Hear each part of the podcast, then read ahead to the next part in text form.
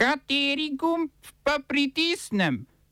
Tisti, na katerem piše OF. Tigrajska ljudska osvobodilna fronta predstavila svoje zahteve za sprejem vladnega premirja. 300 vojakov afganistanskih vladnih sil pred talibi zbežalo v sosednji Tadžikistan. Združeno kraljestvo bi nedovoljen prihod na lasno ozemlje spremenilo v kaznivo dejanje. Prvi sklic čilenske ustavodajne skupščine. V kulturnih novicah pa nove muke ministra za kulturo na področju kulturno-kreativnega sektorja.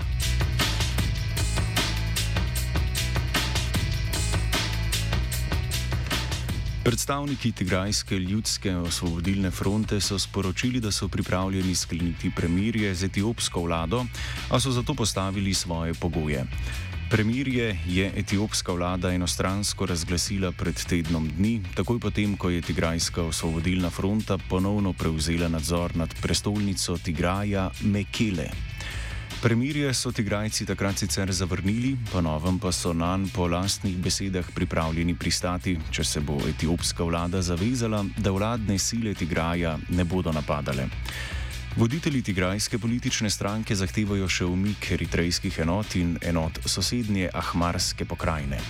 Prav tako zahtevajo nemoteno oskrbo življenskimi potrebščinami, izpustitev vseh priprtih članov stranke in vzpostavitev komisije, ki bo pod okriljem Združenih narodov preiskovala vojne zločine ter nadzoro nadzorovala implementacijo premirja.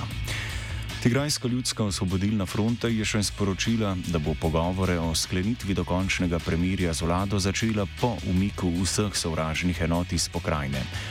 Vladna stran se na sporočilo Tigrajske ljudske osvobodilne fronte še ni odzvala.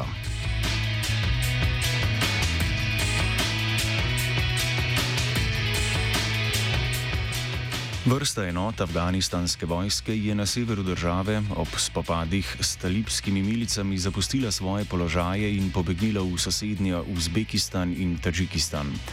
V zadnjem pobegu je bilo udeleženih 300 članov vojske, skupno pa naj bi tako pobegnilo več kot 1000 vojakov.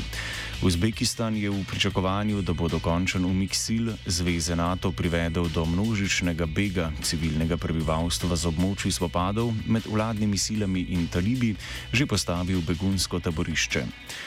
Združene države Amerike, ki so v preteklem tednu afganistanskim vladnim silam predale oporišče Bagram, se za zdaj neuspešno pogajajo z Uzbekistanom, Kazahstanom in Tadžikistanom, kjer želijo po napovedanem umiku iz Afganistana namestiti vojsko, da bi lažje nadzorovale afganistanske sile in jim po potrebi priskočile na pomoč.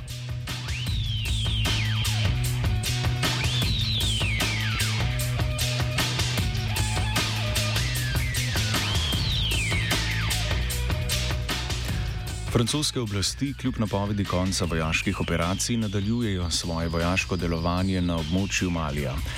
Kot so sporočili predstavniki francoske vlade, se je francoska stran po posvetu s predstavniki malijskih tranzicijskih oblasti in drugih držav v regiji odločila nadaljevati vojaške akcije. Začasna prekinitev tovrstnega delovanja je posledica državnega udara v Maliju, ki je odnesel predhodno tranzicijsko oblast. Toda nove vojaške operacije bo izvajalo mnogo manj vojakov, saj naj bi Francija večino svojega 5000 članskega kontingenta umaknila, ostalo pa naj bi zgolj 600 vojakov, od katerih bi jih bila polovica francoskih, drugi pa bi prihajali iz drugih evropskih držav.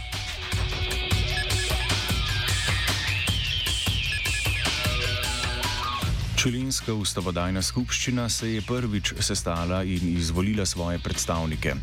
Za predsednico so izvolili Elizo Lonkon, univerzitetno profesorico in aktivistko za pravice ljudstva Mapuči, ki mu pripada. Seja skupščine je bila začasno prekinjena zaradi protestov v njeno podporo, ki so potekali pred stavbo, v kateri je zasedala. Protestniki so zahtevali tudi amnestijo za udeležence protestov iz leta 2019, podprl pa jih je del predstavnikov skupščine, ki so opozarjali na prekomerno uporabo sile policijskih enot.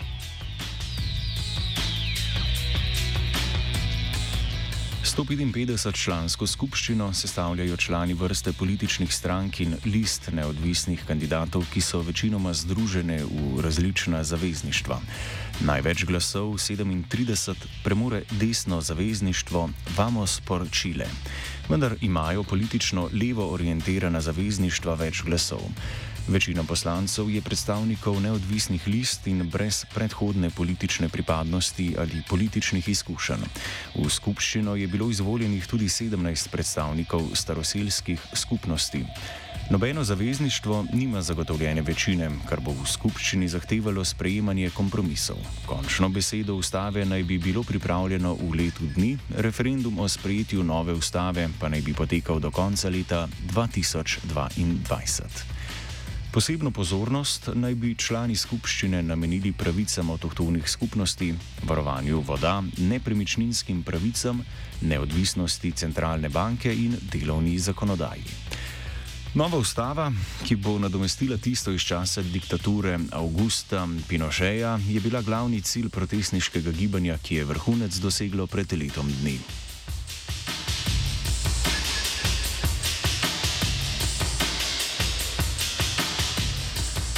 Spodnji dom britanskega parlamenta bo v torek v prvo branje prispel zakon, ki spreminja azilno politiko in kazni tako za migrante kot za tihotapce z ljudmi. Nova zakonodaja tako predvideva, da bo vsak nedovoljen prihod v Veliko Britanijo označen za kaznivo dejanje. Vsak, ki bi ga zagrešil, pa bi na mesto sedanje najviše kazni, šestih mesecev zapora, lahko za zapahah prebil kar štiri leta. Strože kazni bi veljale tudi za tiste, ki bi bili obsojeni tihotapljenja ljudi. Za to vrstno dejanje bi lahko osebo kaznovali tudi z dosmrtnim zaporom. Dosedanja najvišja možna kazen znaša 14 let zapora.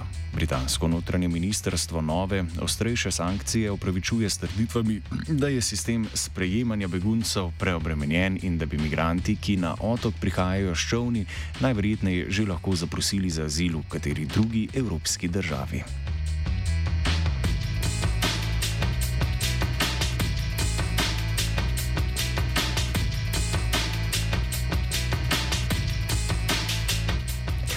Največji norveški pokojninski sklad, Kommunal Lands Pensions Kasse, je napovedal, da v 16 podjetij ne bo več vlagal zaradi njihovih povezav z judovskimi ilegalnimi naselbinami na Zahodnem bregu.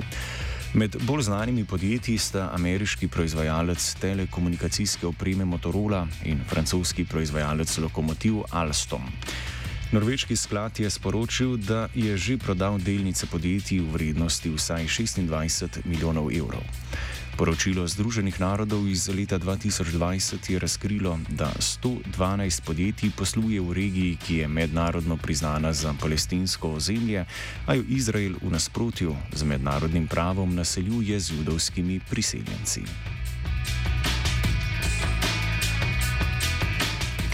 Na območju Makarske, natančneje v zalivčku Vruja, je potekal protest z naslovom Festival črne gradnje in uničenja narave.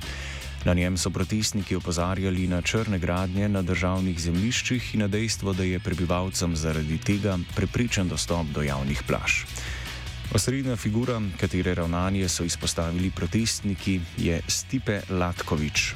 Ta naj bi po besedah protestnikov že 20 let kljub ovadbam in prepovedim na črno gradil in dogradil več objektov, ki ležijo na državnih zemljiščih.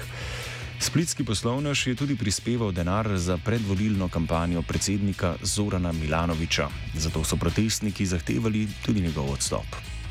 Oba, če, če bom odgovoril na angliški. Slovenija bo poskušala pomagati. Slovenija bo naredila svoj utmost, da bo rekla, da je situacija naš problem, ourselves. In da bomo naredili nadaljnje korake, as soon as the conditions are. Bomo vlado Marjana Cererja Šarca podprli. Zelo, zelo resno. Slovenija. We know how and we will. Predsednik republike Borut Pahor je podelil državna odlikovanja.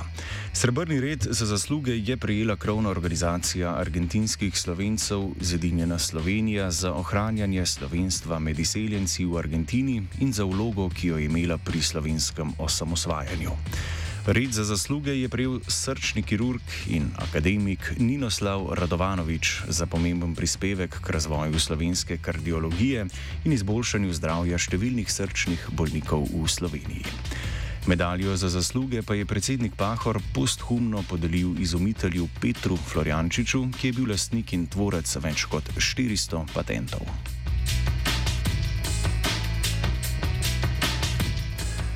V Ivančni Gorici je v duhu letošnje vsesplošne komemoracije dogodkov pred 30 leti potekalo odkritje obeležja v spomin na prvo mašo za slovenske vojake.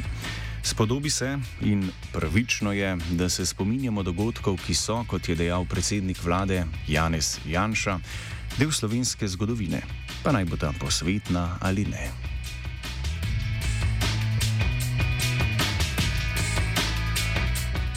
OF je pripravil Dominik.